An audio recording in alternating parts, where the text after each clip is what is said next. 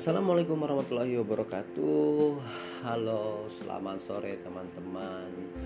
Uh, Perkenalkan lagi nama saya Hanif M. Ibrahim Trainer Personal Development dan juga promotor Steven gue banget.co.id uh, Semoga teman-teman ada dalam keadaan sehat dan juga selalu semangat dong pastinya.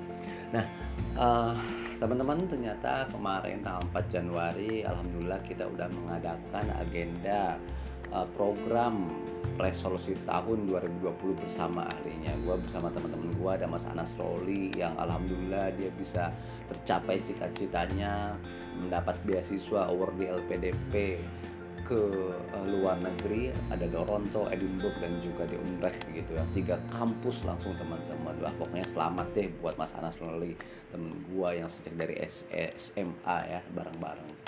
Uh, dan juga kemarin ada juga Mas uh, sorry ada Mbak Tirta dan juga dia adalah Mapres Nasional sekaligus founder Virta Foundation dan tak kalah hebat juga ada Mbak Adel model sekaligus duta PT KIN Nasional.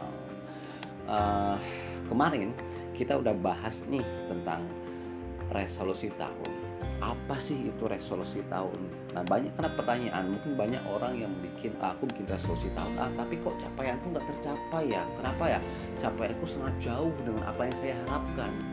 Ya inilah resolusi tahun. Kalau kita asal bikin-bikin aja ya ya gimana gitu? Namanya resolusi tahun harus dijalankan dengan serius dan bikinnya pun harus serius setidaknya kita tahu ilmunya lah cara bikin resolusi tahun itu. Nah teman-teman di sini saya akan kembali review bagaimana cara bikin resolusi tahun karena kemarin ada beberapa teman-teman yang nggak bisa hadir mungkin karena ada di luar kota atau karena kemarin hujan jadi tarikan kasur kuat banget gitu atau uh, ada juga yang nggak selesai sampai akhir karena ada agenda lainnya jadi nggak apa-apa jadi kita review lagi buat bikin podcast ini buat teman-teman biar kembali atau setelah dari sana jangan-jangan teman-teman belum bikin resolusi tahun juga nih sampai hari ini. Mumpung masih tanggal 7 yuk kita bikin lagi. Hari ini juga lu harus bikin kalau enggak minggu ini juga lu harus bikin. Capaianmu ke depan harus apa? Nah kemarin ketika kita bikin resolusi tahun ada tawaran konsep. Namanya itu SMART. SMART itu spesifik measurable achievable relevant dan juga time bound jadi yang namanya bikin resolusi tahun itu ada lima unsur itu. Yang pertama spesifik, jadi kita spesifik. Semakin kecil uh, ataupun semakin konkret uh, resolusi itu, maka semakin spesifik juga kita harus apa gitu. Nanti kita jelaskan. Terus ada measurable, jadi dia itu perlu dijangkau, bisa dijangkau jangan sampai kita cita-cita ingin menjadi dokter tapi kita sarjana hukum ya ya nggak nggak bisa dicapai gitu. Nggak sesuai pada jalurnya. Jadi kita harus sesuai pada jalurnya. Yang kedua achievable. Jadi kita harus bisa dicapai ya. Bisa dicapai bisa diperhitungkan. Terus relevan relevan dengan keadaan zaman relevan dengan keadaan hari ini gitu. Kalau dulu bikin resolusi tahun tahun 2002 2002 pengen jadi youtuber ya nggak relevan orang. Nggak ada youtuber YouTube aja jarang internet jarang apalagi youtuber tapi sekarang mungkin bisa jadi youtuber tapi youtuber apa jadi itu relevan masih relevan lah uh, terus time bound batas waktu jadi batas waktu itu sangat penting sebagai evaluasi kita nah kemarin dalam bikin resolusi tahun itu gue bilang ada tiga variabel yang perlu kita tentukan Sebenarnya resolusi tahun tuh ada tiga jenis gitu. Yang pertama itu jangka pendek atau gue bilang itu tudu. Kenapa tudu? Kenapa jangka pendek? Karena sifatnya itu dia uh, jangka pendek, rutinitas harian atau mungkin mingguan. Nah, nanti kita kasih contoh di akhir. Jadi kita lanjut dulu. Yang kedua itu ada jangka menengah. Kalau jangka menengah itu uh, sebutannya to have Kenapa to have? Karena to have itu karena dia itu sifatnya tuh dievaluasi per setengah tahun, ya per setengah tahun. Misalkan kayak gini, gue pengen juara lomba debat. Nah, untuk resolusi itu bagus, tapi kurang baik. Nah, kalau jangka menengah itu perlu adanya uh, spesifik. Gua dalam tahun ini harus juara debat. Berapa kali? Tiga kali kah? empat kali kah lima kali kah misalkan gue harus juara debat empat kali Nah, jadi di evaluasi jangka menengah. Setelah enam bulan, wah enam bulan kemarin gue udah juara dua kali lomba debat. Berarti dua eh, enam bulan ke depan gue harus dua kali lagi juara lomba debat. Kalau misalkan enam bulan sebelumnya gak pernah lu juara, berarti enam bulan selanjutnya lu harus kerja keras gimana caranya dalam enam bulan terakhir lu harus mendapatkan juara empat kali dalam lomba debat. Jadi ada evaluasi per tengah tahun. Karena kesempatan lomba debatnya nggak datang sama sekali, ada banyak lomba debat gitu ya. Itu dalam debat, bisa juga dalam traveling misalkan. Uh, pokoknya dalam setahun ini gua harus uh, jalan-jalan ke dua tempat. Yang pertama ke daerah timur yang satu ke luar negeri. Nah itu bisa dievaluasi. Oh berarti enam bulan pertama aku harus ke uh, NTB ke Lombok misalkan nah untuk Desember gua harus jalan-jalan ke Singapura atau ke Malaysia atau ke Thailand atau ketiganya langsung gitu. nah itu harus dicapai dan itu harus spesifik. Jadi gak bisa. Pokoknya tahun ini aku harus jalan-jalan. Nggak jalan-jalan gimana? Jalan-jalannya gampang ke Gunung Kidul ke Parang aja jalan-jalan gitu. Jadi harus spesifik ke mana dan berapa kali biar ada capaian gitu. Pun dalam kesehatan itu have. Jadi sifatnya bisa dievaluasi per enam bulan. Paling uh, paling paling paling cepat itu bisa dievaluasi tiga bulan lah jadi per tiga bulan per tiga bulan itu bisa juga bagi otak kiri mungkin per tiga bulan ya tapi bagi otak kanan bisa per enam bulan kenapa nah itu mah udah dibahas kemarin bonus bagi teman-teman yang uh, udah datang ya. Uh, terus yang ketiga variabel ketiga itu ada yang sifatnya jangka panjang. Jangka panjang itu dia itu tubi ingin menjadi apa. Nah tubi itu kenapa tubi? Jadi ah tahun ini gue pengen menjadi awardee LPDP lulus beasiswa LPDP karena dia datangnya setahun sekali. Tahun ini gue pengen lulus sidang skripsi setahun sekali. Gak mungkin lu sidang tiga kali tahun ini skripsi. Lu emang mau gitu? Sidang tiga kali tahun ini nggak bisa kan? Jadi sifatnya itu dia datang setahun sekali. Hmm. gue pokoknya tahun ini harus punya TOEFL 550 misalkan kayak gitu lah kan TOEFL bisa uh, tes lagi. Ya bisa. Cuma kan kalau nggak lolos biasanya kita harus belajar lagi. Mestinya belajar tiga bulan. Jadi kalau nggak tahun depannya. Kalau LPDP setahun sekali. Kalau nggak lolos ya tahun depannya. Jadi uh, to be itu gitu ya. Jadi tangka panjang. Oh uh, tahun ini gue pengen menjadi owner butik. Kalau sekarang belum tercapai tahun ini berarti ya setidaknya jadi reseller dulu. Tahun depan jadi ownernya. Nah kayak gitu. Jadi setahun sekali be ini menjadi apa ya. Nah jadi kita bahas dulu. Nah gimana caranya supaya si resolusi itu bisa uh, saling berkaitan? Caranya kita kalau bikin to be maka harus dirinciin dalam to have. Kalau kita bikin to have juga harus rinci sampai ke to do ya. Nggak semuanya karena contoh kalau kita uh, tuduhnya tuh pengen diet gitu. Kita nggak bisa memaksakan tuh have-nya pengen uh, pengen jadi model tiba-tiba gitu. Tubinya pengen jadi apa nggak bisa. Itu kan rutinitas biasa aja. Cuma yang berkaitan ini, ini kalau misalkan lu pengen punya tubi misalkan gua nih gua ke depan pengen menjadi seorang notaris. Kapan? Empat tahun lagi. Berarti uh, resolusi tahunku tahun gua hari ini tahun ini gue pengen jago di bidang ilmu perikatan, hukum perikatan.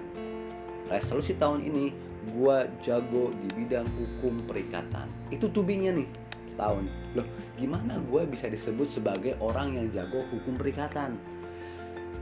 Bisa dilihat bagaimana resolusiku, resolusi gue di jangka menengah to have. Oh gua harus ngisi kajian 10 kali di bidang kajian hukum perikatan. Kalau gua ngisi 10 kali berarti setidaknya sebulan ya se, sebulan sekali lah gua ngisi kajian. Kalau sebulan sekali gua ngisi kajian berarti gua harus baca buku dan gua harus bikin artikel. Uh, jadi semakin gua banyak baca buku semakin gua banyak ngisi kajian semakin melatih uh, kajian-kajian hukum perikatan gua untuk bisa menjadi seorang notaris oleh karena itu nggak cukup itu have, tapi sampaikan itu dan tuliskan juga dituduh. Tuduhnya apa? Bahwa gue harus baca minimal 10 halaman sehari tentang hukum perikatan. Nah, itu resolusinya. Jadi, uh, berkolerasi wah sekarang gimana sih supaya saya menjadi notaris yang jago di bidang hukum perikatan? Dituduhnya rutinitas hariannya gua harus baca minimal 10 halaman sehari. Ya sehari 10 halaman tentang hukum perikatan. Sebulan gua ngisi diskusi sekali. Kalau gua sehari ngisi atau baca 10 halaman dan per bulan gua ngisi kajian otomatis dalam setahun gua cukup berkompeten di bidang hukum perikatan. Karena kenapa? Karena gue udah dilatih lewat kajian itu. Lewat tuh have gue tuh yang jangka menengah karena gue udah dilatih juga tuh oleh apa? Oleh uh, rutinitas harian gue yang membaca sehari 10 halaman. Jadi berkaitan. Uh, karena nggak bisa gue jago dukung perikatan. Sementara nggak ada tuduhnya. Gue nggak pernah ada target untuk baca sehari 10 halaman. Nggak ada nggak bisa yang ada malas ah pokoknya gue dalam sebulan harus baca satu buku. Iya kalau baca. Kalau nggak baca udah selesai. Satu bulan nggak baca dua bulan nggak baca ya udah target yang secara keseluruhan nggak bisa juga. Beda kalau misalkan kita target sehari 10 halaman jadi bukan per bulan rutinitas. Hal lainnya misalkan ya kalau tuduh jadi tuduh itu memang kayak simple apaan sih rutinitas? Tapi itu sangat berpengaruh besar. Misal gue pengen nabung dua tahun ke depan gue pengen punya tabungan buat hmm, lamaran gue untuk lamaran perlu 5 juta emas 5 juta gitu. E, berapa gram? 10, 10 eh, gram ya? 10 gram.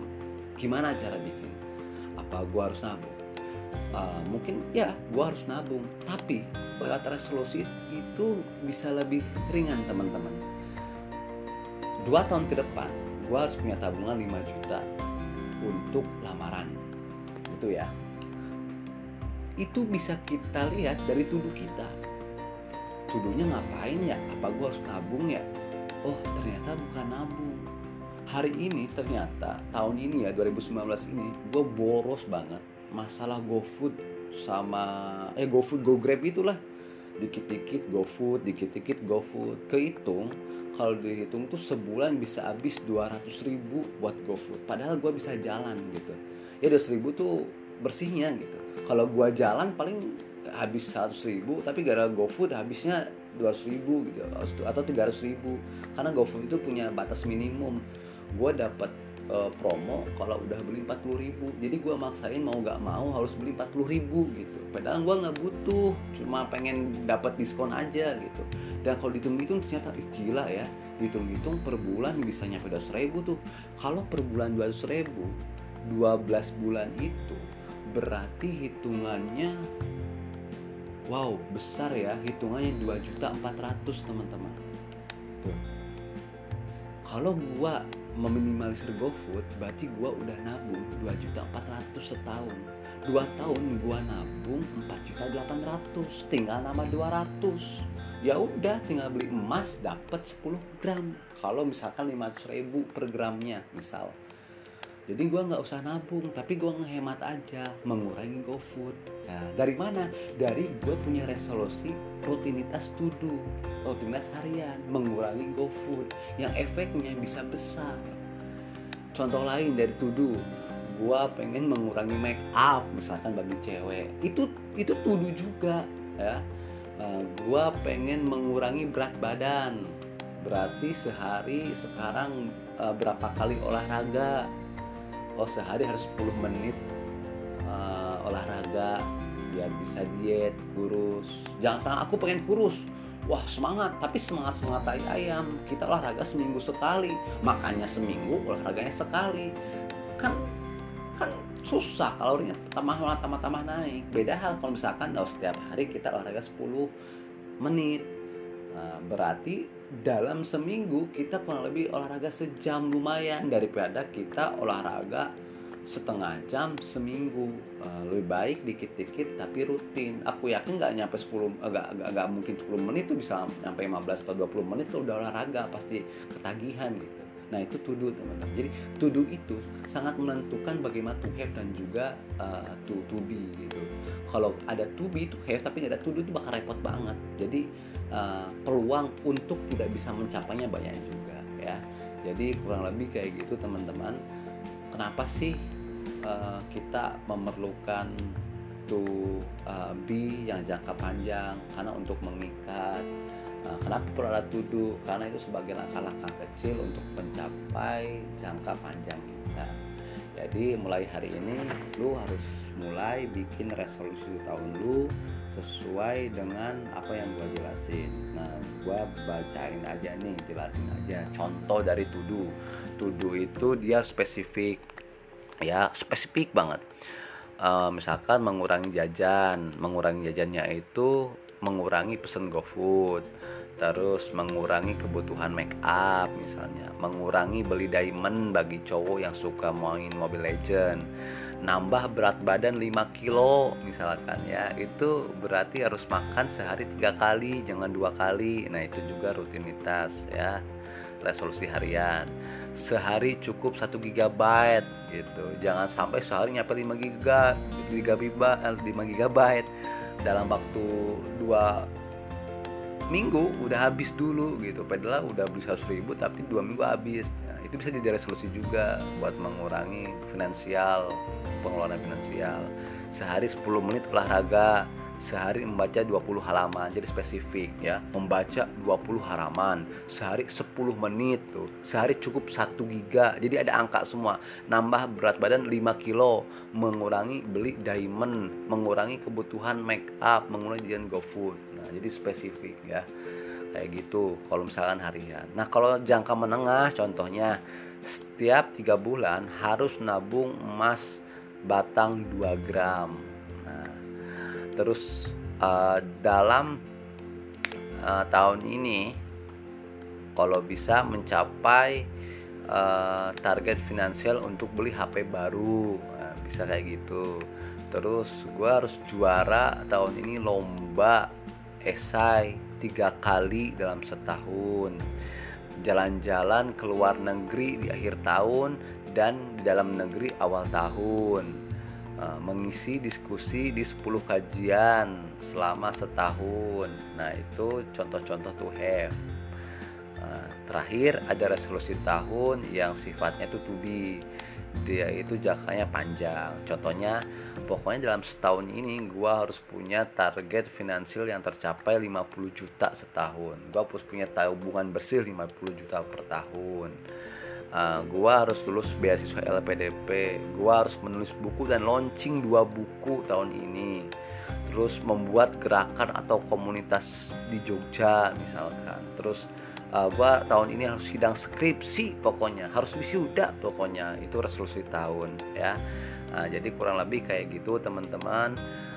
Uh, cara bikin resolusi tahun ada to do ada to have dan juga ada to be Semoga dengan penyampaian ini bisa membantu dan mulai hari ini juga teman-teman harus bikin. Nah, nanti kalau satu waktu teman-teman merasa, wah kok capaianku gini-gini aja ya, kok gue gagal ya, kok gue kayak gini ya. Oke, teman-teman, kalau misalkan nanti dalam pertengahan jalan teman-teman merasakan kesulitan, sabar, tabah. Kalau lu di dalam pertengahan jalan lu dicaci lu dihina dikecewakan banyak orang lu sakit hati lu hancur sehancur-hancurnya. Sabar. Inilah kehidupan kehidupan ibahan pertandingan. Dan dalam pertandingan kita tidak selalu dituntut untuk selalu menang. Mungkin memang hebat orang yang selalu menang. Orang akan kagum bagi orang yang tidak pernah terkalahkan. Tapi lu harus ingat juga orang akan kagum sama lu ketika lu sudah berkali-kali kalah tapi lu tetap bangkit. Orang akan menangis haru melihat lu yang berkali-kali jatuh, yang berkali-kali runtuh, yang berkali-kali terus diterpa dengan badai, diterpa dengan apa pun masalahnya, tapi lu tetap bertahan dan tetap berjuang. Sehingga mereka akan tersenyum bahagia, kagum melihat lu ketika lu tetap berdiri di lapangan menjadi seorang pemenang di akhir akan ada waktunya akan ada waktunya. Mungkin gak hari ini sabar. Hari esok pasti ada waktunya. Hari ini tinggal lu buktikan kepada kawan-kawan generasimu bahwa lu bisa hidup menghiasi sejarah dan bagian emas dari mereka. Semoga podcast ini bisa membantu dan semoga capaian kita di tahun 2020 bisa tercapai. Amin ya robbal alamin. Terima kasih. Wassalamualaikum warahmatullahi wabarakatuh.